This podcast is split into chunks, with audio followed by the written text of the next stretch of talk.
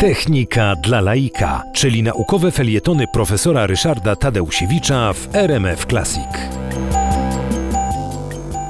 Pierwsze pojazdy elektryczne, które powstały, e, potrzebowały czerpać energię elektryczną z daleka, to znaczy po prostu z, za pomocą specjalnej e, prądnicy e, ten prąd do tego, do tego tramwaju, czy do tej lokomotywki, czy do tego trolejbusu był doprowadzany. No to oczywiście wiązało się z no, ograniczoną swobodą, bo można było tylko jeździć na określonych trasach, tam gdzie ten prąd był doprowadzany.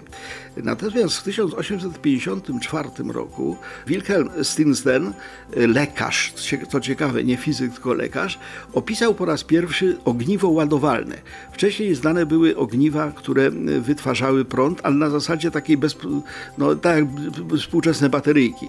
Po wykorzystaniu trzeba było wyrzucić. Natomiast ogniwo ładowalne złożone z płyt ołowianych i kwasu siarkowego, właśnie ten Wilhelm Stensten, y, lekarz, opisał, pokazał, no i to było zadziwiające. Ale on to traktował wyłącznie jako ciekawostkę. Y, Również y, drugi konstruktor i taki no, pi- pionier tworzenia tych y, y, ładowalnych akumulatorów, które były no, kluczem do samochodów elektrycznych, y, Gaston Planté, y, w 1859 roku w Akademii Nauk zdobył pokaz, w francuskiej Akademii Nauk, no ale, ale to była dalej ciekawostka, a nie urządzenie.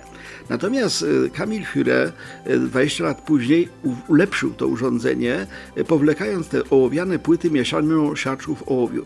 O, to już pozwalało zgromadzić dużą ilość energii i rzeczywiście no, powstały y, elementy, zasobniki energii odnawialne, takie, gdzie można je było ład- ładować. E, Pierwsze ich zastosowania były w łodziach podwodnych, dlatego że akurat tam e, no, to się wydawało najbardziej e, racjonalne, e, ale ponieważ te łodzie podwodne potrzebowały tych akumulatorów, wobec tego w 1887 roku e, Adolf Miller w Hagen e, zbudował e, fabrykę tych akumulatorów. A jak już powstały akumulatory, to droga do samochodu elektrycznego stanęła otworem.